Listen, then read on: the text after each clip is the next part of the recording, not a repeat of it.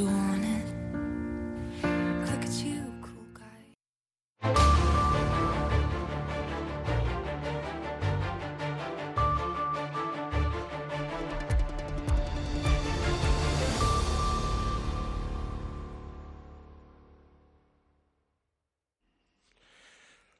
duhurcana wanaagsan aan dhammaantiinba dhegaystayaal halkani waa washington. Laanta af soomaaliga v o a aad si toosa uga dhegaysanaysaan mojada gaagaaban efemyada geeska afrika iyo caalamkao dhan ood nagala socotaan boggayaga v o a somali com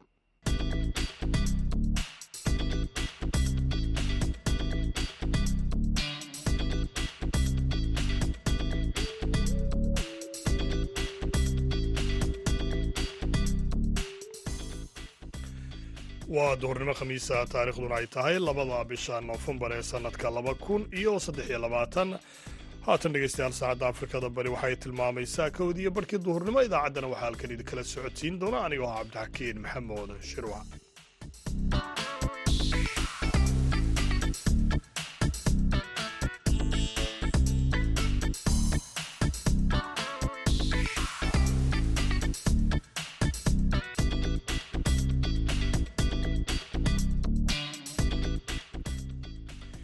qodobada dhegaystayaal aad ku maqli doontaan idaacadda duhurnimona waxaa ka mid ah hay'adda maaraynta masiibooyinka soomaaliya ee magaceeda loo soo gaabiyo sodma oo sheegtay in ay u diyaargaroobeen u gargaaridda dadka ku waxyooloobay fatahaadaha iyo weliba dabaylaha xilliga dayrta ee roobka ka curanaya soomaaliya. Gargaarkii hadda ugu dambeeyey waxaan ka bixinay baydhabo oo inta ugu xoogan hadda ay beryahan ka jirtay dabcan dhinaca jubbadana waan jirnaa oo hadda shaqo laga wadaa. Fatahaadanu runtii waxay saameyn doontaa dalka dhan.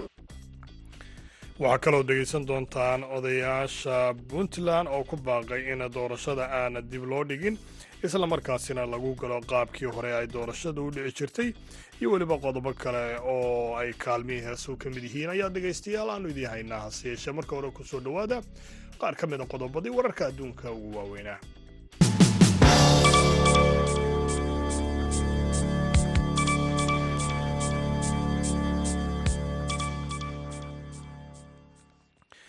Wasaaradda arrimaha dibadda shiinaha ayaa maanta sheegtay in sarkaal ka socda waaxda qaabilsan xakamaynta hubku uu hogaamin doono wafdiga wadaxaajoodyada hubka nukliyeerka maraykanka iyo shiinaha ay wada yeelan doonaan inkastoo wasaaraddu aanay shaacinin islamarkaana aanay carabaabinin magaca mas'uulkaasi ka qaybgelaya ama hogaamin doona wadaxaajoodyadaasi sida qorshayaashu ay xusayaan labada dhinaca sidoo kalena amaanidhada sida qorshayaasha labada dhinac ay xusayaan islamarkaana la isla gartay. Ayaa afhayeenka wasaaradda arrimaha dibadda shiinuhu sheegay in labada wadan ay yeelan doonaan. Wadahadal islamarkaana ay isweydaarsan doonaan arrimo dowra oo ay ka mid yihiin.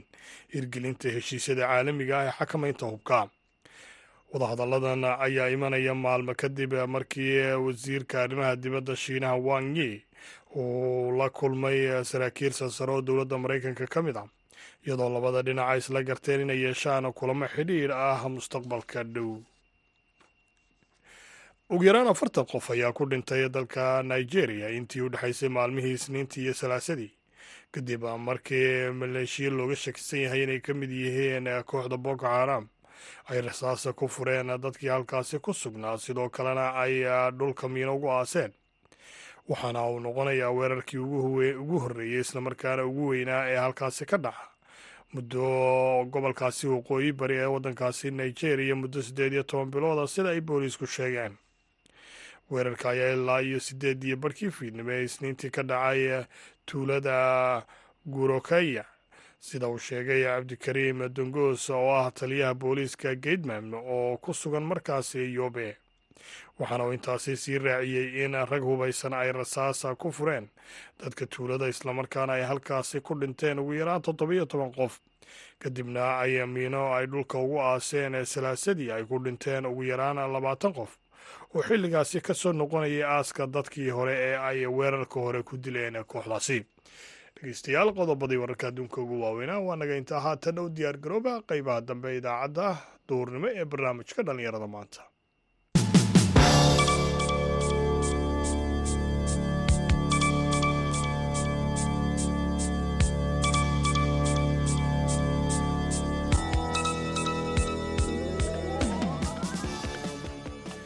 Waagaag dhegeystayaal mar kale ayaan idin leeyahay dhammaantiinba duhur wacan oo wanaagsan aan ku bilownay roobka dayrta ayaa meelo badan oo ka mid ah soomaaliya ka da'aya kaasi oo meel kasta ama meelaha qaar aan idhaahdee fatahaadu ay khasaare dhimasho iyo weliba burbur hantiyada ay geysteen. Hay'adda maaraynta masiibooyinka qaranka ee sodma ayaa sheegtay in ay u diyaargaroobeen inay gargaaraan ama ay gargaar siiyaan dadka intii karaankooda ah islamarkaana ay meelaha qaarna haddaba gaarsiiyeen raashin iyo dawo jamaal axmed cismaan ayaa arrimahan ka waraystay guddoomiyaha hay'adda sodma maxamed macalin cabdulle. Aad iyo aad umahadsan tahay tii xaaladan ilniinada iyo fatahaadani muddo ayay hay'addu digniin ka bixinaysay. Dabcan sanadkan oo dayrtan waxaa la filanayaa roobab aada u tiro badan. Webiyada oo soo buux dhaafo fataho waxyaabahan jaraadka loo yaqaano oo biyuhu ay ka soo baxayaan buuraha iyo oo ay dabcan meelo ay saameynayaan. Qiyaastayni runtii way waana bilaabatay. Culeysku hadda wuu bilowday. Haba u badnaato biyahan daadadka ah oo faraaj faraadka oo roobka da'iyo ama buuraha ka soo degaana ama ama toogu ha keenaan iyo webiyada hadda webiga ugu daran uu yahay jubba runtii dhimashas geysatay khasaare nafeeda khasaare hanteeda iyadoo beerihii dalaga laga filinayay runtii ay biyo dhex yaalaan. Marka culeyskaas wuu jiraa hay'addu dabcan haddii laga tago xaaladahaas iyo kadigitaanka waxay uun diyaarisay qorshooyin ay balaan ah oo dadka marka horantood looga saarayo meelaha ay xaaladu ay iyo dhibaatadu ay ka imaan karto. Dabcan waxyaabahaas inta badan waa lagu guulaystay dabcan meelaha qaarkood oo hadda saameynta already ay saamaysane iyado qaarna horey wax u sii geysay. Waxna hadda ayaan ka geynay oo aan ka shaqaynaynay dabcan hay'adaha iyo dowladaha kalentoo saaxiibkana aane waan ku tartarsiinay oo dabcan iyagana way nala wadaan. Waa tahay waxaad ka dhawaajisay in dhimasho meelaha qaar laga soo warinayo u n h oo kale warbixin ay soo saartay waxay sheegtay in boqolaal kun ay ku barakaceen rababkii ugu dambeeyey ee dalka ka dhacay. Marka wax gargaar ah ama tallaabo oo aad qaadeen oo dadkaasi lagu gargaarayo ma jiraan? Walaalow gargaarkii hadda ugu dambeeyey waxaan ka bixinay baydhabo oo inta ugu xoogan hadda ay beryahan ka jirtay. Dabcan dhinaca jubbadana waan jirnaa oo hadda shaqo laga wadaa. Fatahaadanu runtii waxay saameyn doontaa dalka oo dhan waxaan laba isbuuc ka hor geynay tuulooyinka ku dhadhow beledweyn oo aan ognahay iyada laftirkeeda in wax haddana uu already saameeyey. Saameyn xooggana ay ka imaan karto sida qiyaastu ay tahay. Marka waan wadnaa dabcan tabarta hay'adda iyo guud ahaan dee ummadda soomaaliyeed inta ay ka jawaabi karto xadmiga intaas leeg aad buu runtii u yaryahay laakiin dabcan intii tabartayna waan dadaalaynaa saaxib gudoomiye ma jira diiwaan ilaayo hadda aada haysaan. Inta hadda roobabka ay bilowdeen ama daadadku ay bilowdeen oo idin soo gaaraya oo ku aadan ama dadkii barakacay ama dadka waxyeelada ay ka soo gaartay. Dabcan waxaa sheegtay in meelo ka mid a jubbooyinka dhimasho laga soo sheegayo. Marka diiwaan ilaayo hadda aada haysaan ma jira. Walaalo aad iyo aada umahadsan tahay dabcan horta roobabku marka hore waxaan filinaynay inay octoobar ama bilowgeeda ama dhexda bilowdaan. Hadda dabayaaqadii octoobar novemberta hadda aan gelayno dabcan wayna sii socon doonaan november ilaa december waan filanaynaa culeyska ugu badana november ayuu imaan doonaa ilaahay hanoo sakhiro. Dhimashadu inta aan ka warhayno baydhabo iyo gedo ayay ka jirtaa. Dabcan impactiga ay arrintan u saamaysay waa lagu maqan yahay inkastoo impactiga uu sii socdo. Waxyaabaha runtii hadda culeyska badan keenay waxaa ka mid a webigan oo jubba daamamkii etoobiya oo biyo xireenadii lagu soo furtay marka fatahaad weynuu wadaa dabcan etoobiyana dabcan iyaduna laga yaaba inay webigeeda ka buuxsamay. Runtii waxyaabaha boliciga ay tahay in laga wada hadlo mustaqbalka soomaaliya ka mid taho markii ay biyuhu nagu yar yihiin way naga xirtaan hadda ay biyuhu badan yihiin oo ay waxaynayaan way nagu soo daayaan markaas impactiga xoogan noo keenaa. Marka impactiga jamaal waa la soo aruurinaa lagu wadaa. Dabcan waana maalmaha soo socotana weekliyan u soo dayi doonaa insha allahu tacaala. Waayahay ugu dambeyn markaad fiiriso xajmiga iyo awoodda hay'adda iyo sidoo kale roobka aad filanaysaan laga yaabo in daadad iyo ay ka dhashaan dabaylo ma isku dhigmaan oo awoodda diyaargarowga noocaas oo kale ah hay'addu ma leedahay hadda. Mise waxaad dooneysaan in gargaar iyo aada dalbataan si dhibaatooyinka looga hortago? Jawaabta ugu fud waxay taha waa maya saaxiib hay'addu dabcan waxay haysataa tabarta iyo ummadda soomaaliyed haysato dadka aan wakiilka ka nahay oo aan wax u hayno waa dadkii aan wax ka qaadi lahayn dadka ay saameynayso ama ay dalagooda baabi'inayso ama ay magaalooyinkii hadda waaweynaayo sida baydhabo karantood ayay dhibaato weyn ku haysaa gedo garbahaare baar dheere beledweyne dadkii soomaaliyeed oo la rabay inay hay'addu iyagu kaalmo siiyaan si ay dadka nugul u siiyaan ayay ka ayay iyaga saameynaysaa dabcan markii horentoodna dowladda soomaaliya iyo guud ahaan shacabka soomaaliyeedba dhibaatooyino badan ayuu la daala dhacayay marka saaxiib waxaan u baahannahay runtii garab waxaan u baahannahay in ummadda soomaaliyeed wixii dibadda joogo oo diaasbaradu inay garabna soo siiso waxaan u baahannahay dadka xoolaha haysto soomaaliyeed inay ay garabna siiyaan guud ahaanna ummaddu ay garab siiyaan waxaan u baahana dabcan in dowladaha iyo hay'adaha aan wada shaqaynta ay naga ay jawaab degdega keenaan. Qayla dhaantaasi horena waan u bixina haddana waan bixina ugu baaqaynaa in ay ay ka ay ka sikadaan meelaha ay addu ay imaan karto. Dabcan dhimashada xanuunka ay leedahay waxay tahay markaad aragtid meel laga guuri karay ama aan ognahay inay biyuhu ay soo mari karaan o dadku ay degayaan. Marka arrintaasna runtii dadka waa uga degaynaa wagaag dhegeystayaaalkaasna wuxuu ahaa guddoomiyaha hay'adda sodma maxamuud macalin cabdulle oo u warramaya jamaal axmed cismaan. Qaybo kaleo dhegeystayaal iyo waxaa inoo soo socda warbixino kale hase yeeshee haatan aynu ku wada nasanno dhinacii kaalmaha heesaha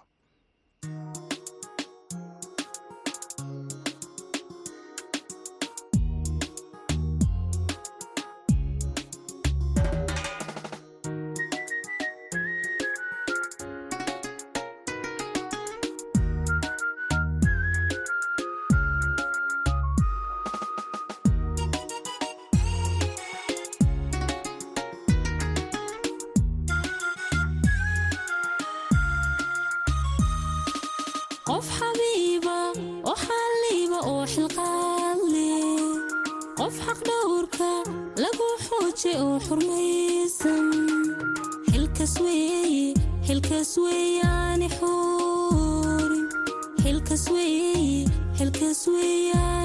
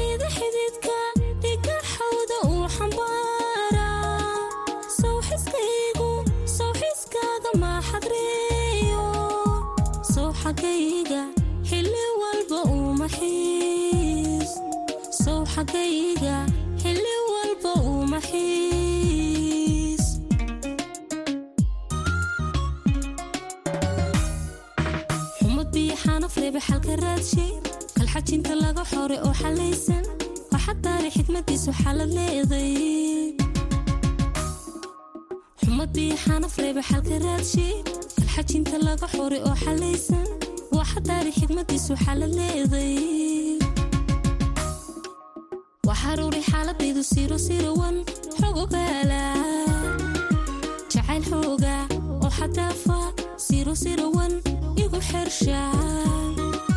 Ixanaansha heeristeeda siro sirawan i xushmeeya.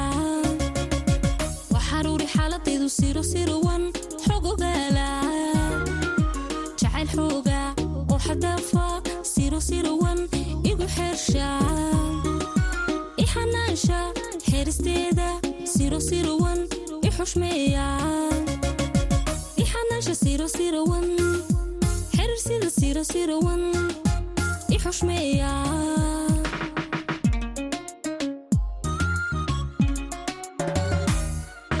ya xagaaga bebi xeebta saaxil unooc la dalxiisa xubbigiisu siro sirawan waa xaalaala siro sirawan yaa xigtaysta siro sirawan yaa xidhiidhka siro sirawan xadhiigiisa siro sirawan xajidhaha siro sirawan oo xusuusta siro sirawan meel xafiidan siro sirawan u xuseeya siro sirawan ku xaseeya siro sirawan siro sirawan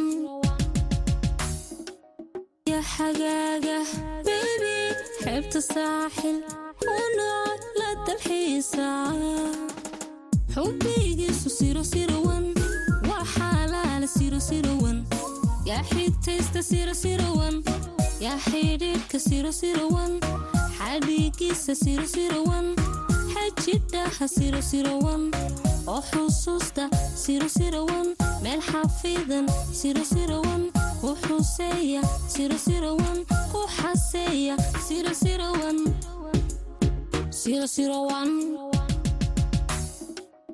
siro sirawan xubbigiisu siro sirawan waa xaalaala siro sirawan yaa xigtaysta siro sirawan yaa xidhiidhka siro sirawan xadhiigiisa siro sirawan xajidhaha siro sirawan oo xusuusta siro sirawan meel xafiidan siro sirawan u xuseeya siro sirawan ku xaseeya siro sirawan wagaag dhegeystayaal heestaasi haddaynu intaasi kaga soo nimaadno ay codkeeda inagu soo gaadhsiinaysay asmaloof isla markaana aynu hore uga sii soconno qaybaha kale idaacadda duhurnimo ee barnaamijka dhallinyarada maanta haatanna aynu u kacno dhinaca iyo puntland qaar ka mid a isimada dhaqanka ee puntland ayaa sheegay in doorashada madaxtinimo ee puntland waayadan uu muran ka taagnaa ay ku dhici doonto sidii hore islamarkaana la qaban doono xilligeedii oo ah sideedda bisha januari sida ay ku sheegeen war-saxaafadeed ay soo saareen kadib shir ay ku yeesheen magaalada garowe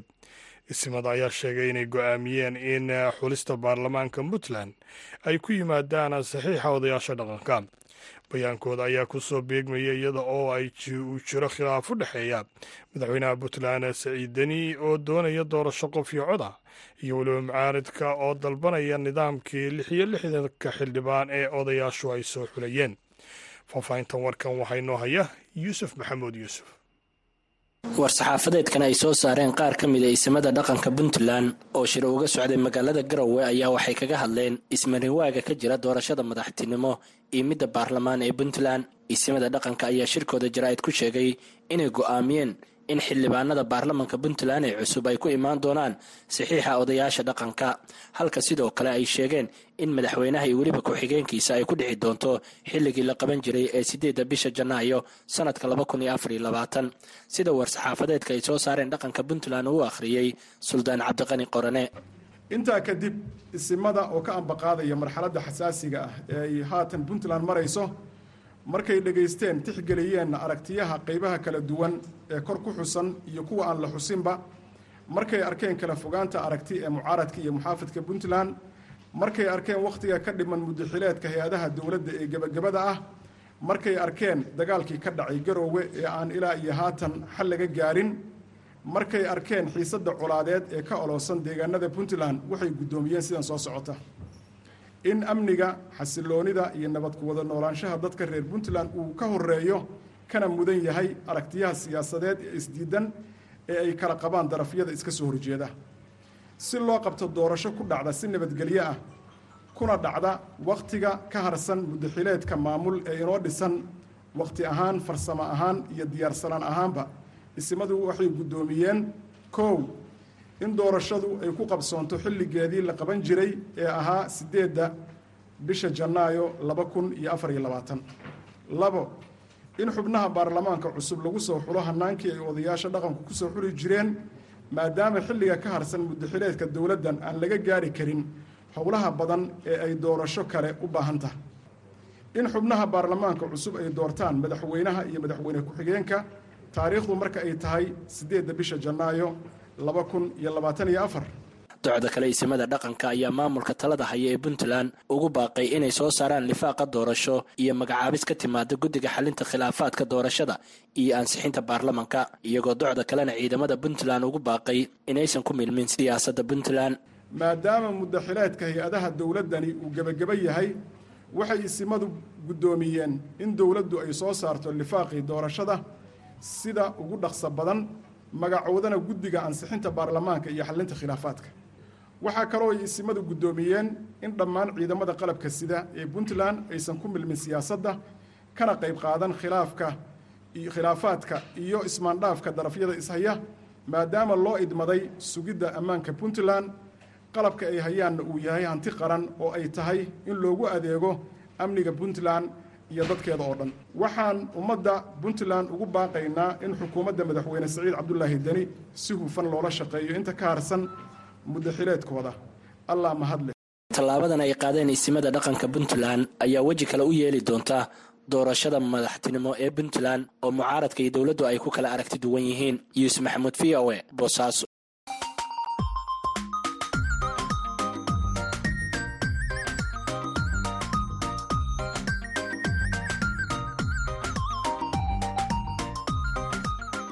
bandhiga v o a.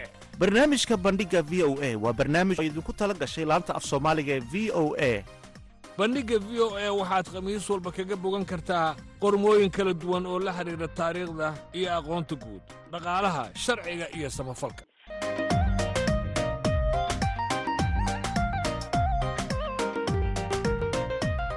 Haddii aad rabto inaad wax ka ogaato taariikhda dunida iyo aqoonta guud ha moogaan bandhigga v o a. Bandhiga v o e kala soco laanta af soomaaliga ee v o e maalin kasta oo khamiis ah.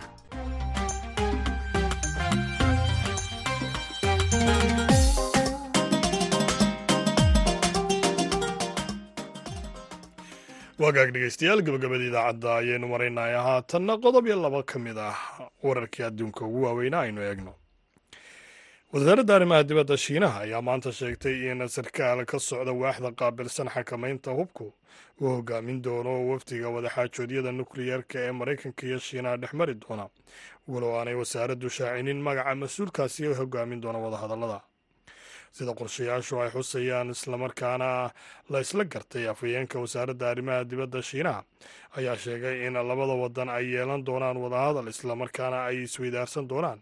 Arrimo doora oo ay ka mid yihiin hirgelinta heshiisyada caalamiga ah ee xakamaynta hubka. Wadahadalladan ayaa imanaya maalmo kadib markii wasiirka arrimaha dibadda shiinaha wang ying uu la kulmay saraakiil sarsare oo ka tirsan maraykanka iyadoo labada dhinac ay isla garteen inay yeelan doonaan ama ay yeeshaan kulamo xidhiidh ah mustaqbalka dhow islamarkaana ay sarkaan. Dhegeystayaal haatanna ayaynu mar kale jalleecno dhinacii kaalmaha heesaha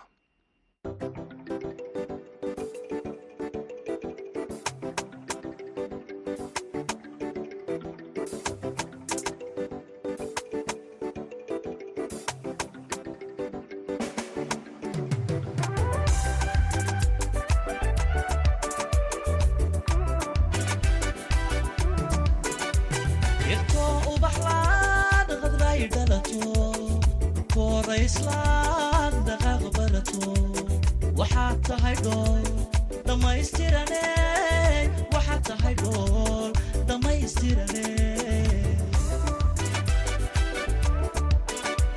dhirto ubaxlaad qadray dhalato. Dhulkooda islaad dhaqaaq barato waxaad tahay dhool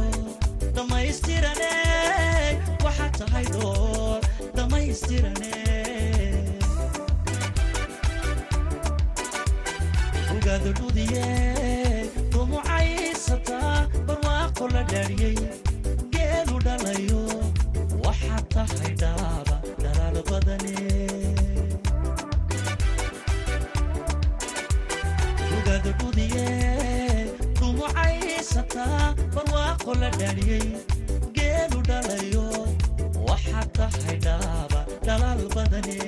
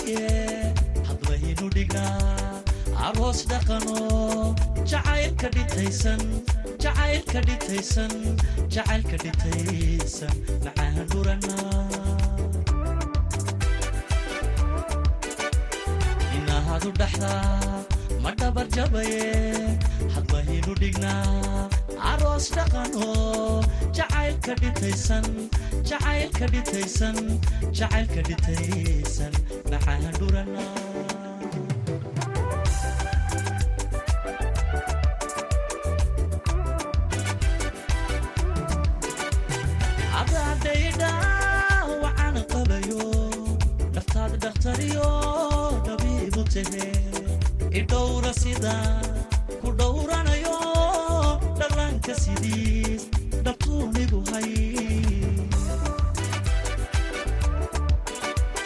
cadaadhaydha waxaan qabayo naftaad dhakhtariyo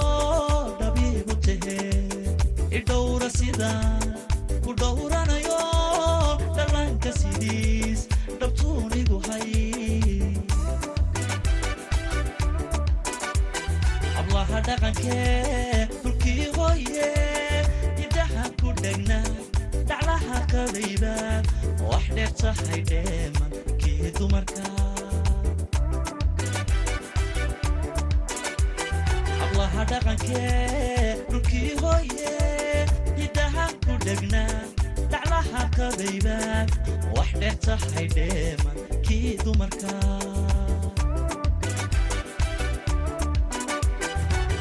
jacaylka dhexdeenu dhammaad ma laho waa midaan ka dhammayn dhammaan badankee ka dhow dhinacaaga ka dhow dhinacaaga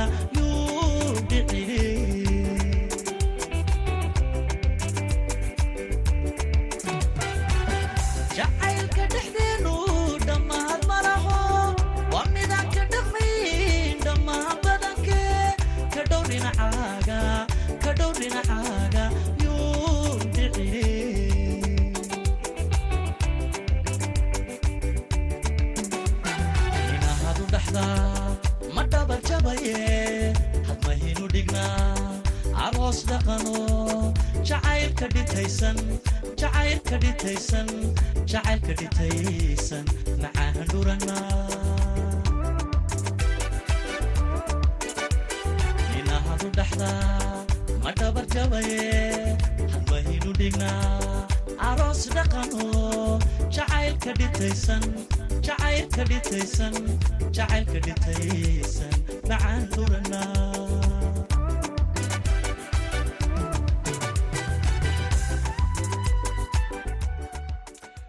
codkaasi cawaale aadan ayaana dhegeystayaal ugu dambeeyey idaacaddii duhurnimo ee barnaamijka dhallinyarada. Maanta tan iyo kulanta dambe waxaan idu leenahay guud ahaantiinba sidaa iyo nabadgelyo